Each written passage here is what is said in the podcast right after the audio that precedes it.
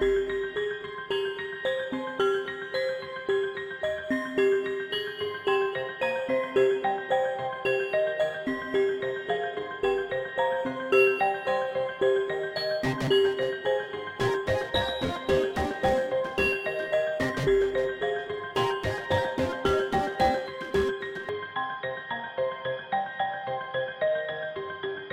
Evet biz geçen hafta Romero konuşmaya başlamıştık. George Romero ve filmleri üzerine bu hafta da konuşmaya devam ediyoruz. Şimdi e, bir, birazcık şeyden de gidelim istiyorum. E, bahsetmiş olalım şimdi. 1972'de birden böyle U dönüşü gibi bir şey oluyor. There is always Vanilla'yı çekiyor. Bu hiç konuşulmayan, hiç neredeyse bahsedilmeyen, kendinin de aslında çok iyi olmadığını düşündüğü filan böyle bir en normal hani olduğu hani tahminen söyleyebileceğimiz filmlerinden bir tanesi. Ama öyle tatlış tatlış o olmamış. Ya kardeş sen niye şeye takılmış yani sen niye zombi çekmiyorsun'a takılmış. Ondan sonra matrak bir tane Jack's Wife'ı çekiyor yine 72'de. Ya. Kendisi Season of the Witch değil mi? Şimdi kendisi evet Jack's Wife diyor filme fakat e, yapımcı ona iyi sıcak bakmıyor diyor ki ben bunu Hungry Wife diye Hmm. soft porn olarak satabilirim diyor. Ama bayağı o amaçla yani Wife yapıyor. Ama o tutmuyor. Öyle de tutmuyor. Sonra işte şu anda bizde Season of the Witch diye biliniyor. Öyle biraz daha insanlara hitap edip biraz izlenmesi sağlanıyor. Fakat burada bir tane şey var. Ben şimdi There's Always Vanilla'da ben onu o- çok şey değilim, iyi değilim. Onu e, kaçırdığım filmlerden onun üzerine çok bir şey söyleyemiyorum. Ama Season of the Witch ya da işte Hungry Wives ama benim e, anlamak istediğim anlamıyla Jack's Wife Romero hakkında bir e, daha üçüncü filmde e, bir detaylı bir şey daha söylüyor. Sadece boş bir heyecanlı genç ya da anarşist genç işte söylem adamı falan değil. Bir yandan da çok yoğun sinema bilgisi ve kültürüne sahip meraklı bir adam olduğunu gösteriyor. Hı. Çünkü Jack's Wife'ın başlangıç sahnesi bir tane adam önde gazete okuyarak ormana doğru yürümektedir. Arkasından da karısı istemsizce onu takip etmektedir. Adam ilerlerken gazeteyle ilerlediği için önüne de bakmıyor. İşte çalıyı çırpıyı böyle iteler ister istemez. Sonra onlar arkasındaki karısının yüzüne gözüne her yerlere vururlar filan böyle çarpa çarpa ormanda. Kadın arkada zorlanarak ilerler adam gazetesi sayesinde rahat rahat yürürken. Bir tane be- çayırın içinde bir bebek görür. işte genç bir kadın salıncakta sallanmaktadır filan böyle bir anılar görür ama onlar uzaktadır ve adamı takip etmek zorundadır. Ve ta ki nereye geliriz? Adam bunun boynuna bir tasma vardır. Tasma takar, köpek tasması ve kafese kapatır kadını. Sonra kadın uyanır. Meğersem rüyaymış Ee, ve işte ev alacaklarmış. O ev hakkında emlakçı bir şeyler anlatıyormuş falan öyle bir nokta. Şimdi bu sahne Buñuel'in Belle de Jour filmi var 1968'de. Ve orada Catherine Deneuve ormanda bir tane at arabasını süren iki adam ve yanında sevgilisi ya da işte kocasıyla beraber ilerlemekte bir ormana gitmektedirler.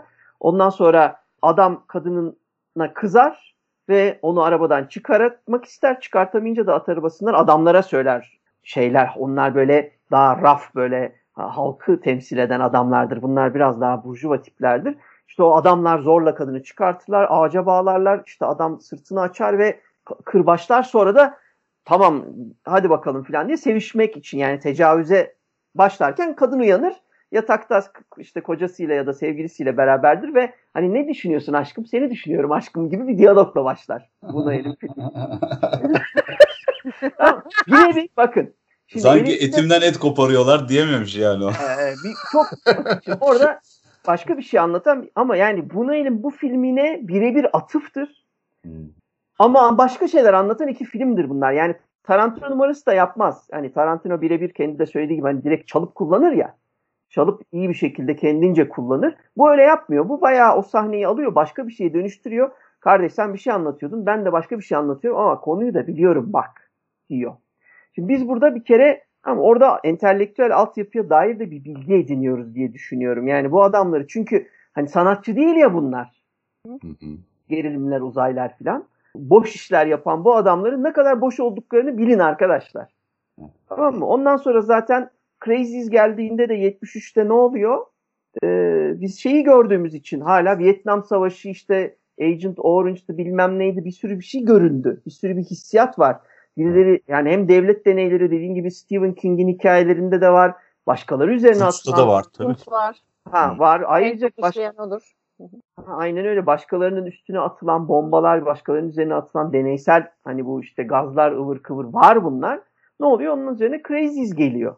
Evet. Yani yine döneminin e, hikayesini alıyor, kendince çeviriyor. Bir de Crazies çok tehlikeli. Yani Crazies'de e, ev hanımları kocalarını çocuklarını öldürüyorlar. Yaşlı teyzeler en zararsız olanlar bakın masum olanlar bunlar. Mazlum olanlar bir anda dişleri çıkmaya başlıyor. Öyle düşünün. Yani öyle diş derken hani bir fiziksel bir şiddete yöneliyorlar ve sebepsiz bir şey. Ne oldu deyince delirdi bunlar crazy oldu falan tadında da. Bence önde hiç- uyarı da yok. Evet Uyarı da yok. Bir anda deliriyor yani. Bir anda deliriyor. Düşün cinnet işte yani. aynen öyle ve şey de değil. Histerik versiyonu. Yani şey ne derler? Top, toplum histerisi versiyonu. Evet. O dönemin en güçlü histerilerinden bir tanesi. Bu aslında senatoda falan da hani o duruşmaları falan da yapıyorlar ya bu hani CIA deneyleri hikayesi var. Hı hı, hı hı. İşte e, otizmi de onlar başlattılar bu ilaçla işte, e, hamile kadınlara ilaç vererek. Daha sonra Cronenberg hani Scanners'a çeviriyor bunu. Cronenberg'le bu arada çok benzişiyorlar. Evet. Erotizmden hiç sıkıntıları yok. Biraz önce şeyi ekleyecektim o komik oldu. Şey, atladım.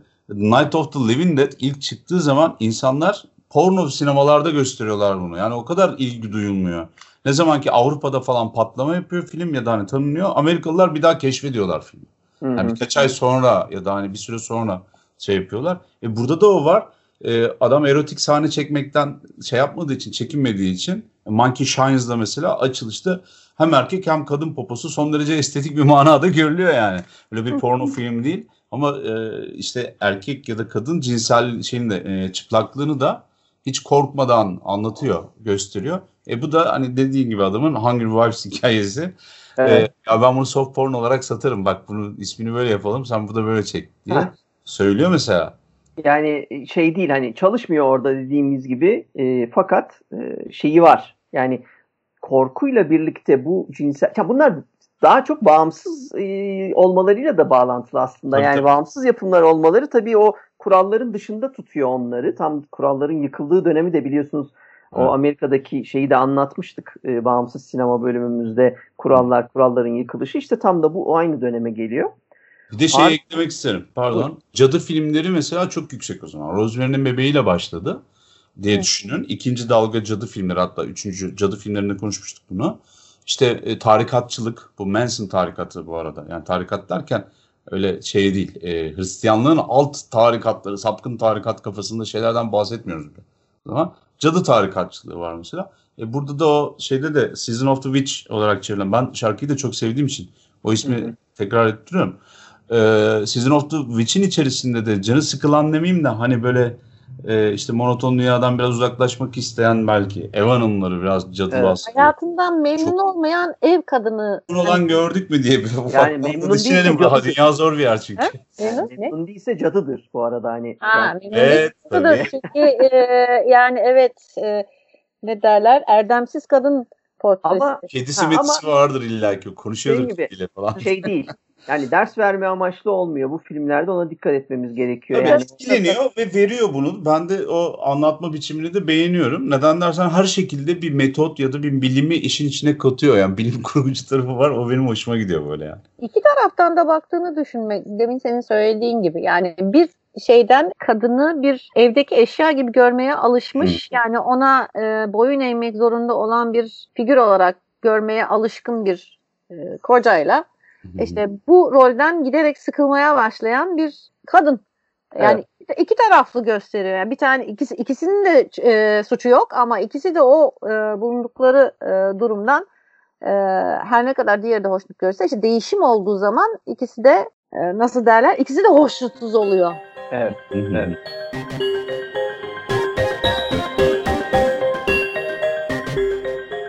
Sonra şeye geçiyoruz. 77'de Dead serisine dönmeden önce bir de Martin var. Ki bence Martin de inanılmaz önemli bir film.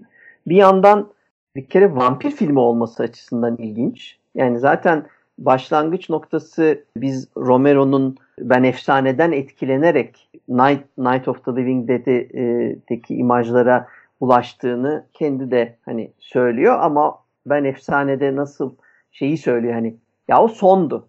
O bize sonu gösteriyordu. Olayların gelişmiş bitmiş orada biz görüyorduk. Oysa ben bunun nasıl başladığını anlatmak istiyorum deyip Night Of'a giriyor.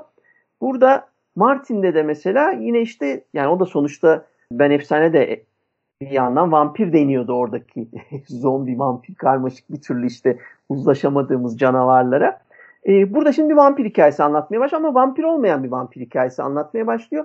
Ve o güne kadar yine pek anlatılmamış şehirli, genç ve artık vampire inanılmayan bir dönemde bir vampir hikayesi anlatmaya başlıyor. İşin matrak tarafı vampirimiz vampirin gerçek olmadığını düşünüyor. İşin büyüsü yok, büyülü tarafı yok, büyülü değil bu diyerek yani aslında kana açlık duyan bir kafayı yemiş ve kafayı da bu vampire inanan ailesinin baskısı üzerinden yediği düşünülen yani öyle okuyabileceğimiz sen vampirsin Nosferatu'sun Nosferatu'sun diye çocukluğu boyunca e, ona işte dini işte egzorsizmler vesaireler yaptıkları için delirmiş ve hala ona inanan bir e, kuzen, büyük kuzen, yaşlı dede kuzenin yanında yaşamaya gelen bir karakterimiz var. E, genç Hı-hı. görünüyor ama 84 yaşında olduğunu düşünüyoruz. Kendisi öyle inanıyor. Ama işte 17-18 yaşında bir delikanlı. Ama işte onlar ikisi kuzen oldukları için dedeyle e, aslında belki de aynı yaştalar gibi. Böyle bir fantastik bir şekilde bakabilirsin. Ama Hı-hı. Romero dahil olmak üzere aslında kimse fantastik olarak bakmıyor e, sürece. Tamamen bunu bir hastalık gibi e, işliyor, ilerletiyor. Bir yandan da sağ yani delirmiş bir çocuk var ve kana ihtiyaç duydukça işte özellikle kadınlara saldırıp bir yandan da ama kendini geliştirmiş uyuşturucu iğne sayesinde kadınları bayıltıp acı çekmeden kanlarını emmeye çalışıyor. Tabii yani ya ben Romero'nun en sevdiğim yanlarından biri işte burada iyice ortaya çıkıyor. Her şeyi olduğu gibi gösteriyor. Mesela işte eskiden ben çok canlarını yakıyordum. Şimdi işte korkutuyordum. Şimdi öyle yapmıyorum duygusuyla. İşte uyuşturucu veren Martin. Yani o uyuşturucuyu öyle bir dozda veriyor ki o kadınların bayılması neredeyse 5 dakika sürüyor. O 5 dakikalık süreçte de beklemiyor. İçeri daldığı için sürekli. Bir kadın zaten ne yapacaksın bana? Ne olacak? Tecavüz mü? Öldürme mi? Falan. Orada zaten kadın yaşayacağı korkunun hepsini yaşıyor. Tamam mı? Yani bir kere zaten o bütün çirkinliğiyle o seri katil tipleri yani Dexter gibi böyle girip, girip böyle basıp hani anında bayıltma falan öyle şeyler yok. Öyle olmadığı için de bütün acılar, sıkıntıların yaşandığı bir dehşet sahnesine dönüşüyor yine bu vampirlik aşaması. Ha öldükten sonra işin cinsel yanını da ortaya çıkarıyor. Demin Galib'in anlattığı gibi o kadar utangaç bir karakter ki şey yapmıyor. Yani yüz yüze biriyle sevişmemiş, hiç sevişemiyor. Ayık biriyle. O yüzden öldürdükten sonra yapacağı her şeyi yapıyor. Bir de kanını içiyor bonus gibi bir Ay tabii. Çok kaotik, çok aslında vahşi bir hikaye anlatıyor. Evet. Bir evet. de şey Martin kafası çok karışık zaten yani. Evet. Yeter de karışık bir adam. Zaten çok, ona çıkıyoruz hep. Çok problematik bir karakteri olduğu gibi gösteriyor. Vampir hikayesi olmasının dışında bir tane de çok önemli bir şeye ilk adımını atıyor bence.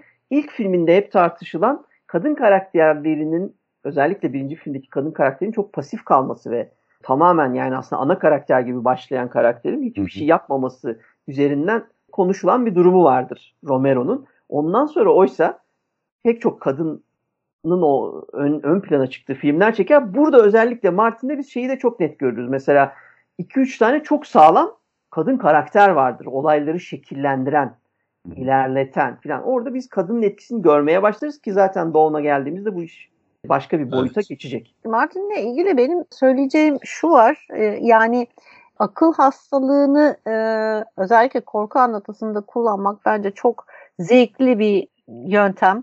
Hı hı. E, neden? Çünkü seyirciyi ters köşeye yatırabiliyor. Doğru. Yani öyle bir an geliyor ki bir an acaba inansam mı ya? Yani hakikaten 87 yaşında olabilir mi bu? diye düşünürken diğer diğer taraftan da onun gibi düşünüp yok ya hayır yani böyle bir şey değil bu adam belli ki artık hani beyni yıkanmış onun için iyice kaçırmış diye düşünüyorsun. Hı hı. Bir de çünkü zaten seri katil olmasın yani şeyden baştan belli zaten dengesiz olduğu aklının uç, uçmuş gitmiş olduğu. Evet. Ama gene de bir ihtimalle hani her zaman bir kuşku duyuyorsun acaba mı diye. e, esas bence en büyük baharatı, en güzel baharatı o. Evet. Bir de Night Of'la benzerliği e, şeyi vardı o, onu belirtecektim. Romero'nun arada bir yaptığı e, sürpriz final meselelerinin de yine yani bir Night Of'taki sürpriz final böyle adamı zaten çok sarsar. Yani hiç beklemezsin öyle bir şeyin olmasını. Martin'de de yani böyle bir, bir dakika bir dakika bir dakika ya dur izliyorduk filan der böyle çat diye müthiş bir sürpriz finalle biter ya ben tavsiye ederim söylemek istemem. Hı. E, çünkü Martin'i seyretmemiş olabilirsiniz. Night Of'u seyretmediyseniz ayıp da. Evet. en en fazla izleneni Dawn galiba. Dawn of the Dead. Evet evet zaten en Ama- popüleri de o.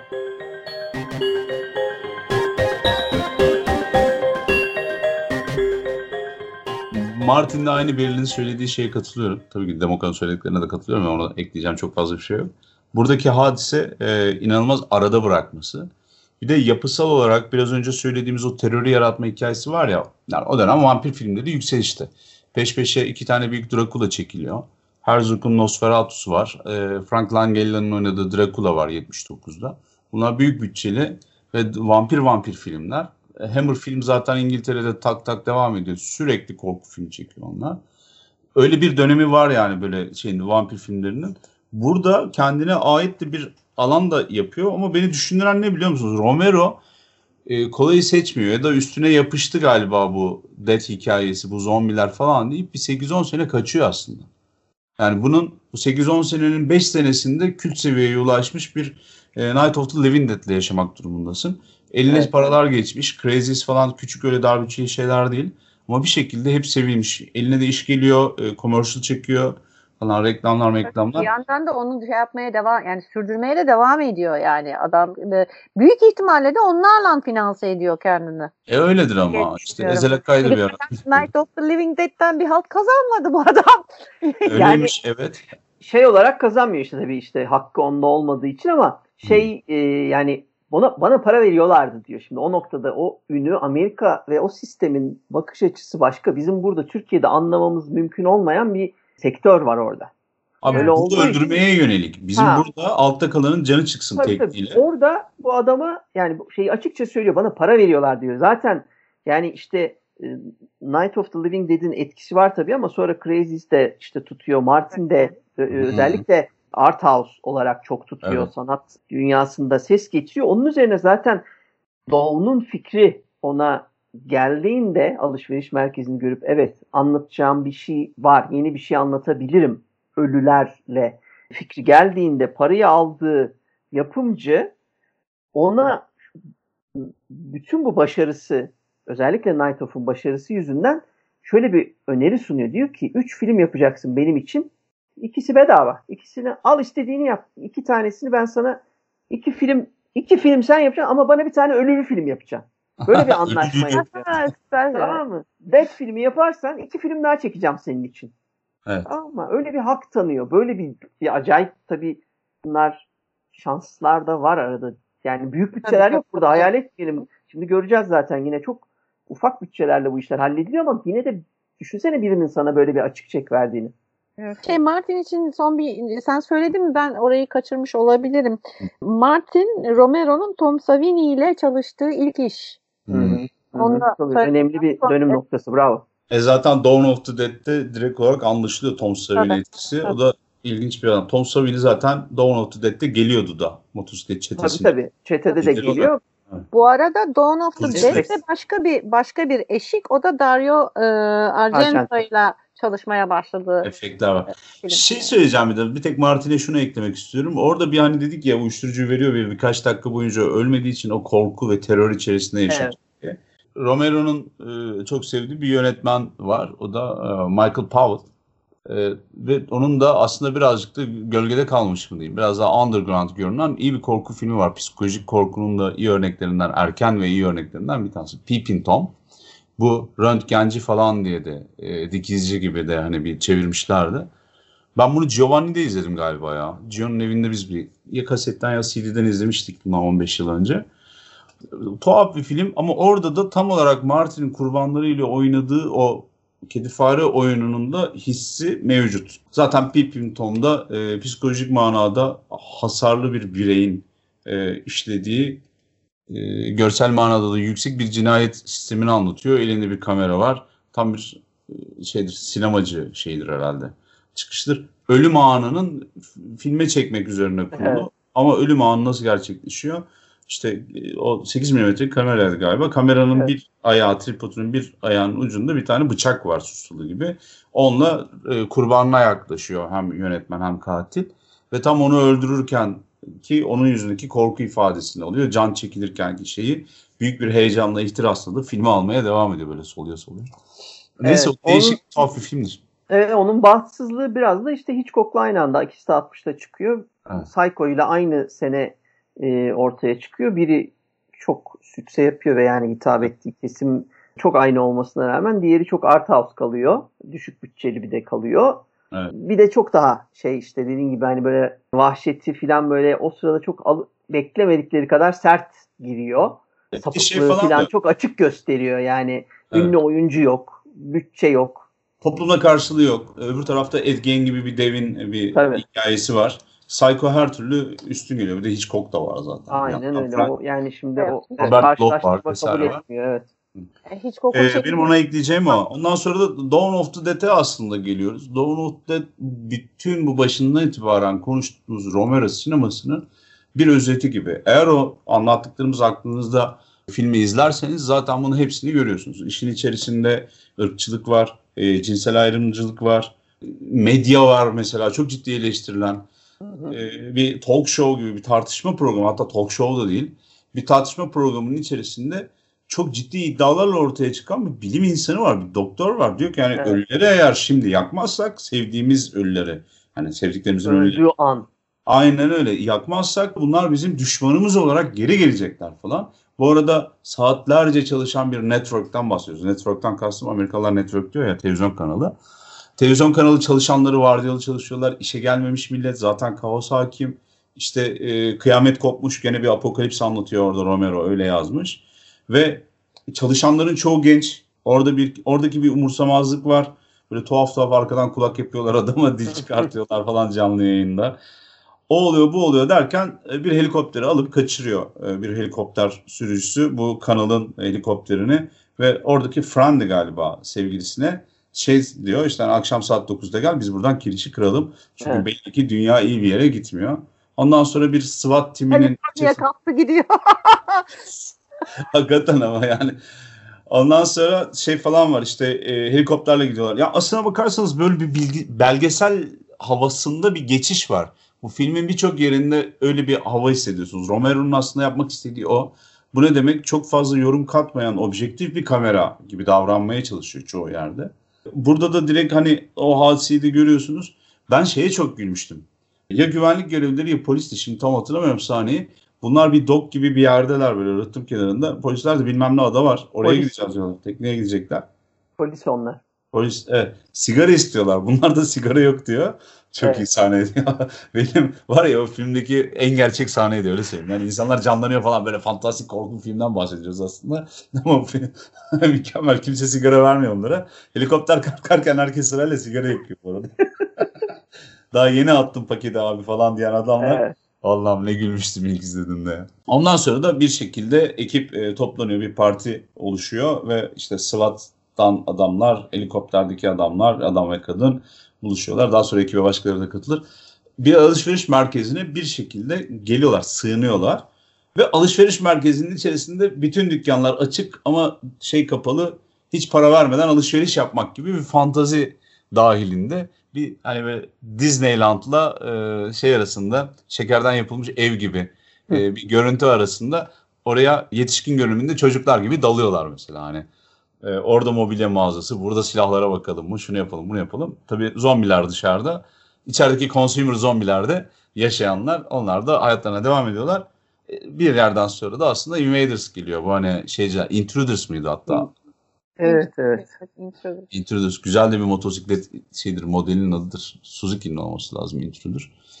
Bunlar geliyorlar ve tam bu noktada aslında şeyin Richard Matheson'ın Ben Efsanesi'nin en gerçekleştiği an oluyor. E, Romero yorumuyla e, Romero kıyamette hayatta kalanlar birbirlerine çok ciddi sorun çıkartacaklar.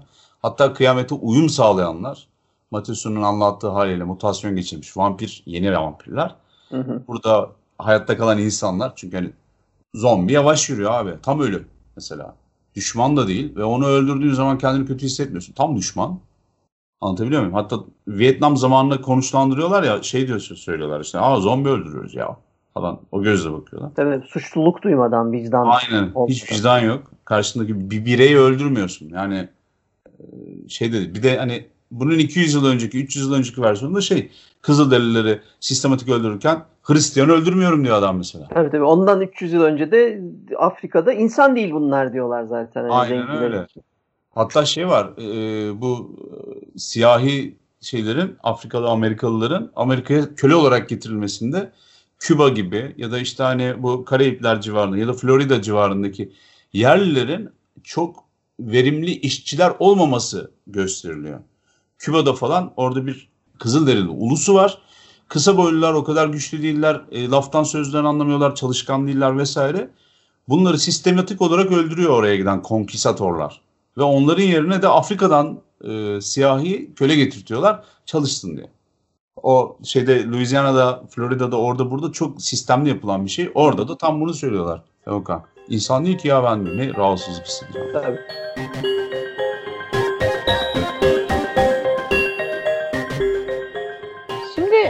İki şey düşünüyorum. Mesela e, bilmiyorum o gün için tabii ki hani zombiler dışarı çıkmış olabilir. Ama bugün aynı şey olursa bence birçok insan o alışveriş merkezinin içinde ölecektir diye düşünüyorum. Yani dönüşecektir diye düşünüyorum. Çünkü gördüğünüz üzere bir felaket anında ilk saldırılacak yerler marketler ve alışveriş merkezleri. E, sanki yarın yok. Ondan sonra yarının olmadığı bir yerde ilk düşünce bir şeyleri istifleyeyim, hayatta kalayım ki biz yani büyük ihtimalle eğer öyle bir zombi felaketi, kıyameti falan filan olursa bizler o alışveriş merkezinde dönüşeceğiz. Öleceğiz ve dönüşeceğiz yani. Ben ilk önce onu düşünüyorum. Şimdi öyle bir durumda bu filmdeki gibi hani sığınmak gibi falan bir ihtimal de olmayacak. Çünkü öyle bir yere sığınmaya kalkarsan direkt olarak kendine bir tuzağın içine koymuş olursun. Ki burada da aslında çok farklı değil. Aynen. Birebir öyle Tabii aslında ki. sonuçta. Hı hı. Yani oraya sığınsan da yani sığınsan da her iki halde yani kimse de ol- olmasa birileri de olsa bir tuzağa sokuyorsun kendine. Nasıl? Ee, bir kere çevren sarılıyor. Yani kendine çıkış yolu bırakmıyorsun öyle bir yere sığınmakla. Sürekli hareket halinde olmak belki daha akıllıca bir fikir. Yani bir şekilde bir yerden benzin şey yaparak e, sürekli hareket etmek e, bu durumda daha akıllıca olabilir. Burada sadece şey değil şimdi evet bir yere sığınmak gerekiyor. Çünkü insanların çoğu göçebe olmaktansa yerleşik olmayı tercih ediyor. Şimdi böyle bir durumda hadi buldun sığınacak yeri. Hı hı. Alışveriş merkezi tabii ki daha cazip geliyor. Dediğiniz üzere her şeyi alabilir. Yani bunun tuvalet kağıdını da alabilir, işte sabununu da alabilir, işte giyeceğini de alabilir. Hiç ulaşamadığı markalara dokunabilir, onları giyinebilir, yiyebilir, içebilir vesaire. Hı. Ya o da bir tatmin duygusu. Hani madem öleceğim bir şeyleri tatmin edeyim bari de yani zamanında yapamadığım şeyleri de ölmeden önce bir yapayım. Tadında İyi bir giyineyim, var. tarzım olsun falan. Yani tarzım olsun evet cesedinin de bir tarzı olması lazım insanın yani ölmek lazım diye bir durum. Onu tatmin ederken bir yandan da işte o yerleşme veya kendini kapalı alanda emniyette hissetme, işte dört duvar arasında emniyet et, emniyette hissetme duygusunu yaşıyorsun. E, çünkü bizler öyleyiz. Yani mağara döneminden itibaren kapalı ortamda kendimizi korumaya alışmışız. Bu da bizi işte büyük bir tuzağa çekiyor böyle bir durumda. Ee, o da dışarıdakiler hadi neyse dışarı çıkmadığın sürece veya içeri sokmadığın sürece problem yok. E, Çünkü zaten aklı olan bir şeyler değil yani dışarıdakiler. Aynı söylediğiniz gibi işte vurursun, işte ne bileyim kafasına vurursun, yok işte kafasını koparırsın, işte ateşli silahla yok edersin, yakarsın falan filan ya da suyla tazikli suyla sersemletirsin. Yani bir yolu vardır muhakkak uzaklaştırmanın. Tek sıkıntı Budist e, bir zombinin olaya gelmesi. Kapı kolu çevirebiliyor çünkü yani dogmatik din falan. O dönem. New Age dinlerin şeyi var ya e, Kapağı çıktı. Aydınlanmış. Kapıyı o açıyor ya mesela. Tabii. Evet evet. Aydınlanmış zombi Ya olabilir. orada evet çok Çatıya acayip çıkıp Budist zombi kollayacaksın. Ben çok net söylüyorum. Eline tüfeği alacaksın. Amerika'nın Şu- şu Budist ortasında falan bir diye vuruyormuş. bulman da yani ben sana bir şey söyleyeyim mi? Yani 500 kilo pirincin içinde bir tane şey bulmak gibi, bamya bulmak gibi bir şey yani. Yani işte o bamyada kapı açıyor ve ya bu, bu rahatlık var. Anlatabiliyor muyum? Evet. Yani Evet. şey de a- dediğin dediğinde doğru. Hani orası çikolatadan ev gibi böyle şekerlemeden ve onlar da orada aslında rahatlık basıyor bir yerden sakinleşiyor. Bizim Hansel ve Gretel'ler aslında. Evet diye evet. düşünebiliriz. Şimdi akılsız olanı dışarıda tutabilirsin. Onlardan en azından oradaki şeyler tükenene kadar bir yerleşik e, sistem kendi içinde tabii kaosa düşmediğin takdirde. Ki orada da hani bölgeleşme veya işte kendi alanını işaretleme gibi e, durumlar söz konusu olacaktır ki bir süre sonra bir sistem kurma eğiliminde oluyor insan. Yani öyle bir durumda bile toplum içinde o toplum için bir sistem kurma refleksi var. Doğru. Fakat işte o sistemi bile dışarıdan gelecek zeki bir varlık, senin gibi bir varlık, Hı. aynı şekilde hayatta kalmaya çalışan ama bir yandan da istilacı. Evet evet. İstilacıyla karşı karşıya kaldığın zaman e, daha ümitsiz bir duruma düşüyorsun. İşte o zaman da tuzak işlemeye başlıyor. Bir şey daha ekleyeceğim aslında. Bence bu filmin en güçlü tarafı şu olabilir. Özellikle orta segmentinden bahsediyorum. Başındaki o sigara sahnesi falan bence çok daha güçlü. Ama insanları hikayenin içine çekebilmek çok önemli ya. Yazarken de, film yaparken de. Ee, ben olsam orada ne yapardım dediğin zaman fantastik bir düzlem de olsa, olmayacak bir dünyada varsayımsal bir gerçeklik kurguluyor da olsa alışveriş merkezi dünyadaki alışveriş merkezi. İnsan gene insan hikayesi. Ben tek başıma bütün mağazalar açık alışveriş merkezine gitsem ne yapardım dediğin anda hikayenin içinde oluyorsun aslında sen. Ve hikayenin içine girdiyse eğer hikayenin dışındaki hikayeyi yaratmayan kişi, okuyan kişi de izleyen kişi o zaman çok ciddi bir iletişim, bir bağ kurulmuş oluyor. E, eserle şey için e, okuyan ya da izleyen kişi arasında. Sen de burada kalıyorsun. Mesela alışveriş merkezinde herkes gezinmek istemiştir bir yerinde. O filmin ortasındaki o lay lay lom dönem işte hani daha sonra başların belaya girmeden önceki o yükseldiği kısım. Oralar mesela inanılmaz bence insana, o dönemin insanına da direkt doğrudan temas eden bir şeydi. Ee, Hatta bir bu dönem insanına da temas ediyor yani. Tabii canım Ikea'da hala sonsuza kadar olur yani? Ikea'da O- sonsuza kadar İsveç köftesi yiyebiliriz diye böyle oraya sığıyor. tabii tabii ama zaten biz biliyorsunuz işte o takip halinde olduğumuz için bu 2000'ler Türk insanı işte 70'ler e, Amerikan insanıyla çok tan yanları var. Bir alışveriş merkezi kurulunca o alışveriş merkezine gitmek falan işte Amerika'nın 70'ler hali. Bizim de Hı hı. 2000'ler halimiz daha ağırlıklı olarak 80'lerin sonunda başlasa da alışveriş merkezi çılgınlığı.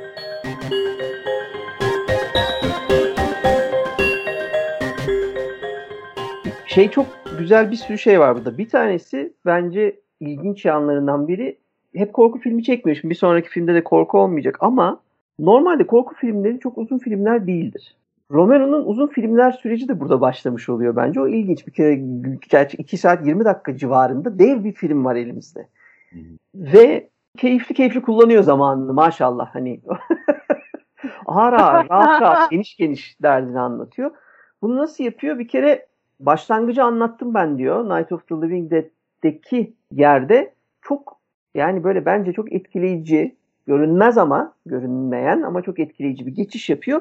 Filmde izlediğimiz televizyonun içine girip televizyondan bağlıyor, televizyon istasyonundan bağlıyor. Yani aradan geçen o zamanı görmez isek 10 yıllık süreci televizyonda işte sığınabilecekleri yerleri yayınlayan tartışma programında işte birbirini yiyen adamlar biz birinci filmde de görüyoruz. Hop ikinci filme bu sefer televizyon istasyonunun içindekilerden anlatmaya başlıyor. Bence enfes bir geçiş var orada.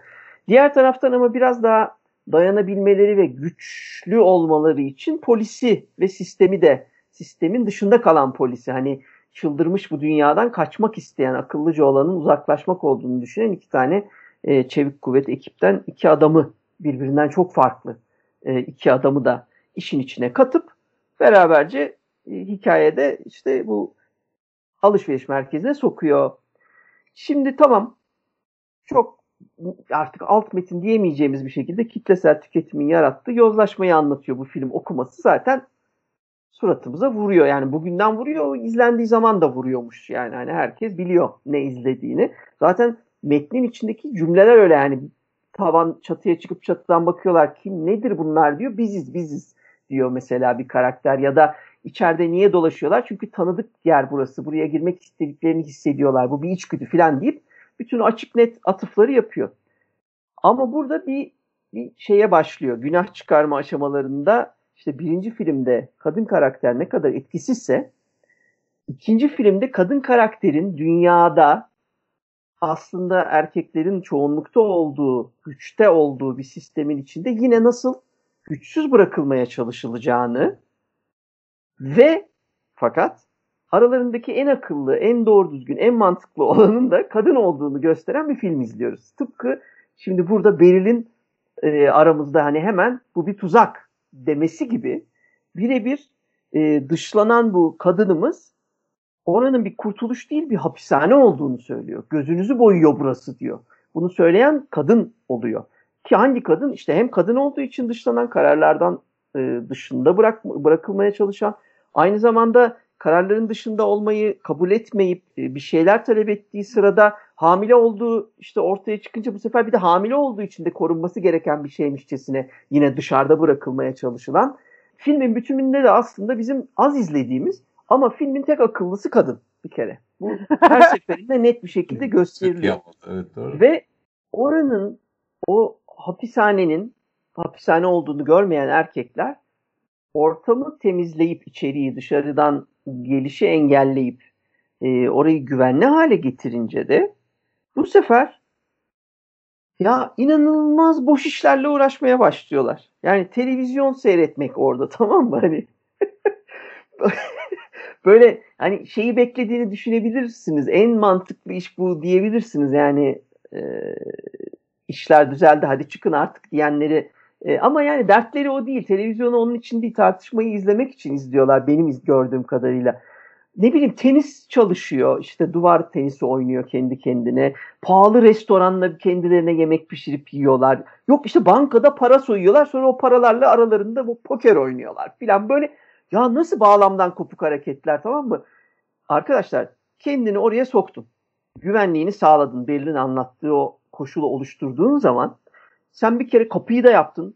Girdiğin tünelin aslında algılanmaması gerektiğini anlayıp bir tane çok zekice hareket yapıyorlar ve oraya bir sahte duvar kuruyorlar kendilerini o şeyden çakma Budist hani Amerika'da. Ama tam şey ya e, İşte tam tamam, böyle bu- tarikatçı herifler bu. Hare Krishna şey, Hare orada işte- Ha, en böyle barış kimseyi öldürmeyelim adamın en tehlikeli adama dönüştü. Neyse o adamlardan kendini korumak için sahte bir duvar oluşturup tamamen kendini gizlemişsin, her şeyi çözmüşsün. Şimdi eğer gerçekten sadece korunmak istiyorsan, yani insani olanı yapacaksan o üst katlar ve oradaki kuru gıdalar vesaire, elektrik falan her şeyi sağlamışken o sana yeterli. Orada dursalar istediğimiz bütün savunmayı, korumayı da sağlayacaklar aslında.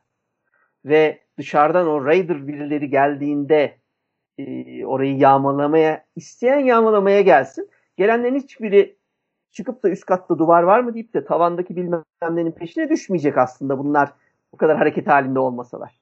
Hı hı. Tamam mı? İçeriği yağmalayıp çıkacaklar. Ne oluyor? O içeride o boş işleri yaparken orayla bir bağ kuruyorlar. Hı hı. Ve ondan sonra bizim e, salak televizyoncu pilot karakterimiz de ha- hatırlarsanız o yağma sırasında hiç sesini çıkarmasa yağmacılar yağmalayıp gidecekler. Oysa benim bunlar bizim dokunamazsınız gibi bir hırsla e, bir sahiplenme duygusuyla insanları ateş ediyor motosikletçilere ve ondan sonra ortalık karışıyor. Aslında o ateşi etmese belki Ha. kurtulacaklar. Alabilir Aynen zaten ne kadarını alabilirler ki yani bir de öyle bir durum var. Hayır, zaten alsına her şeyi alsalar bile yukarıda o saklandıkları yerde onlara yıllarca yetecek de bir şey var. Aynen öyle. Bir de şu, şu var mesela ben şunu söylemek isterim. Öyle bir yere girdin direkt olarak evde tek başına.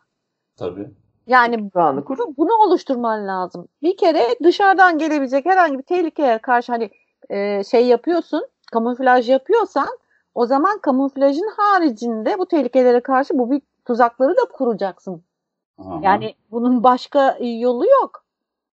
Yani Ama işte survival Ha, ha, değil dertleri bunların. Yiyecek, Bunların yiyecek. derdi yiyeceğin kadar ne kadar yetecek? Herkes ne kadar şey yapacak? Yani aç bunları bir, aç. bir yani hepsi benim falan. Bir, hani bir düzene sokman, bir sisteme sokman lazım. işte zaten Evet. yani tüketime yapılan eleştiri esas orada giriyor. Yani zombilerin içeride salak salak dolaşmaları en basit, en üstte görünen kısım sadece o değil. Yani ölsen bile alışverişe gidiyorsun gibi bir e, açık ve bariz cümlenin arkasında esas orada yaşamak için ihtiyacı olan her şeyi sağlamış, güvenliğini de kendince sağlamış olanların yine tüketim ve hırs ve sahiplenme duygusu yüzünden kendi kendilerini yok edişlerini izliyorsun ve onu yapmayan yani ben burada kendimi geliştireceğim. Bana ateş etmeyi öğreteceksiniz.